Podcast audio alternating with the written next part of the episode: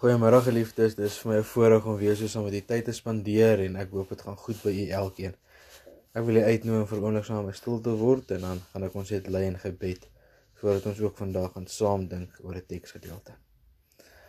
Ons Here en Hemelse Vader, ons sê vir u dankie vir nog 'n dag het u. Dankie dat ons as gelowiges deur die Gees saamgebind kan wees en kan weet u is ook by ons teenwoordig nou Here, naby aan ons, by ons betrokke in ons omstandighede. Here ons wil vir u vra waar ons ook nou na 'n gedeelte uit u woord gaan luister. Wil dit in ons harte kom seën en kom gee dat ons ook dit 'n deel sal maak van ons lewe. Dit sal nou ehm um, in ons gedagtes laat nadink Here en ook dit in geloof en in vertroue in U naam sal aanvaar vir ons lewe. Here kom wees by ons elkeen teenwoordig. Kom maak ons harte en gedagtes stil en kom gee dat ons gefokus sal wees op dit wat U ons uit U woord wil leer vandag. Ons vertrou U daarvoor. Ons bid dit in U naam alleen. Amen. Geliefdes, ek wil graag vandag vir ons 'n uh, enkele vers lees vanuit Johannes hoofstuk 8 vers 12 en dit sê dan aan ook by die afgelope Sondag se gedeelte wat gegaan het oor om Jesus te volg. Daar staan op 'n ander keer het Jesus vir die mense gesê Ek is die lig vir die wêreld. Wie my volg sal nooit in die duisternis lewe nie, maar sal die lig hê wat lewe gee. Geliefdes, dit is dan as ons na hierdie paar woorde dink vir ons juis dit wat ons mee afgesluit het Sondag in die diens. Helder skyn u lig vir die nasies. En dan is die lig van die Here waarna ons praat, hy wat self die lig is in die duisternis Hy kom bevry ons, hy kom maak dit vir ons lig sodat ons kan sien en daarom kan ons dan ook sê dit is om die lig te volg. Maar as ons nadink oor hierdie paar woorde wat ons saam gelees het, dan is dit nie altyd so maklik om net te sê ek volg dit wat van my verwag word nie. Ons word baie keer deur die lewe rondgestamp deur onsekerheid en Elkeen van ons een of ander tyd in ons lewe kom by 'n punt van onsekerheid.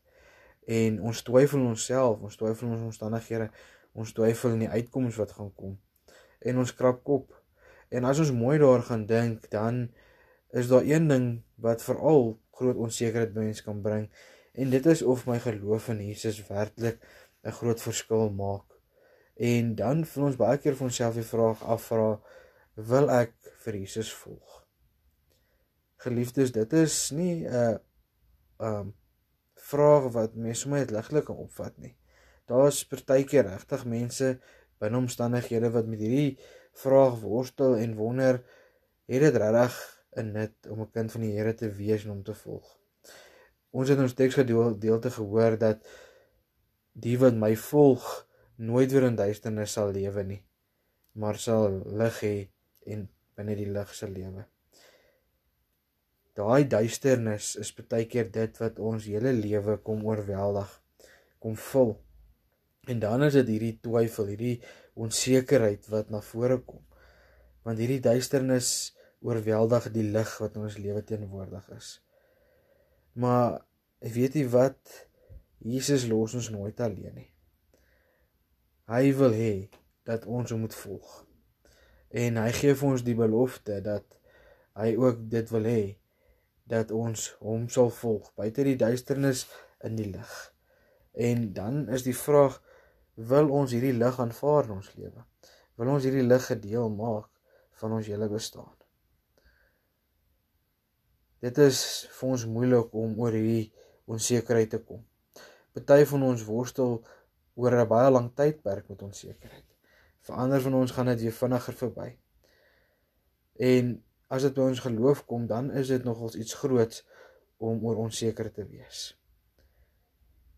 Maar dit is tog 'n moeilike stap om blindelings ons vertroue in God te stel en nie te weet wat gaan die uitkomste wees nie. Want dit is soos wat die Hebreërs sê dat ons ons hoop plaas in die onsigbare dinge. Want ja, God is nie liggaamlik fisies sigbaar in ons lewe nie, maar tog plaas ons ons vertroue in hom en het ons geloof in hom. En dan as ons dit doen, dan beleef ons hierdie lig as teenwoordig. Ons ervaar die impak daarvan. En hoe meer die lig ons lewe vul, hoe meer word hierdie duisternis uit ons lewe uitgeskei en word hierdie onsekerheid in ons lewe opgeklaar. En in die oomblik lyk dit dalk of daar nie hoop is nie of waar nie uitkoms is nie en hierdie dinge druk ons eintlik vas in 'n hoek. Maar dan kan ons uitsien na Jesus wat vir ons gesê het: "Nee, ek is vir jou die lig. En waar ek is, is die duisternis nie en om die lig te volg." Jesus kom beloof nie noodwendig vir ons dat ons nie sleg in die lewe sal beleef en ervaar nie. Maar hy beloof ons dat ons nie alleen in hierdie duister tydperk ehm um, hoef te wees nie. Ons hoef nie alleen te voel nie, ons hoef nie alleen aan te pak nie, want hy is vir ons die lig in ons lewens. Daarom wil ek vir ons afsluit geliefdes. Volg Jesus. Hy is jou lig in donker tye. Kom ons bid saam. Here, dankie vir hierdie kragtige vers wat ons in Johannes kan raak lees van U wat vir ons die lig is en U wat die duisternis kom uitdryf in die lewe.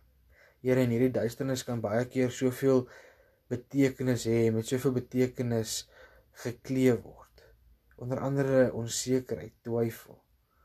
Here seer. En ons wil vir U vra dat ons werklik opnuut vandag sal hoor dat U vir ons die lig is. Dat U vir ons die uitkoms is waarin ons ons geloof en vertroue kan stel want by U is daar hoop. En dat hoe meer ons ons daarvoor ingestel maak, hoe meer sal hierdie duisternis uit ons lewe verdrys word en sal ons U vooroor. Sal ons rustigheid vind in U. Here kom wees getrou en kom neem ons aan die hand en stap hierdie pad saam met ons dat ons sal bewus wees elke dag dat ons dit nie alleen aanpak nie. U is aan ons sy en U gaan ons vooruit en U stap hierdie pad saam met ons.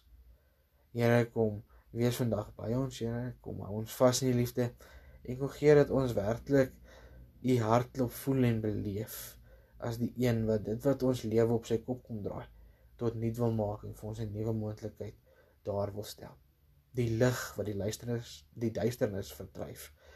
Here ons vertrou U daarvoor. Ons vra Here kom hou ons veilig in U hand, beskerm bewaar ons en maak ons net bewus elke dag opnuut van U teenwoordigheid, U nabyheid in ons lewe. Ons bid dit in U naam alleen. Amen. Geliefdes, mag U elkeen 'n geseënde dag hê saam met U geliefdes. Groete tot ons mekaar weer sien.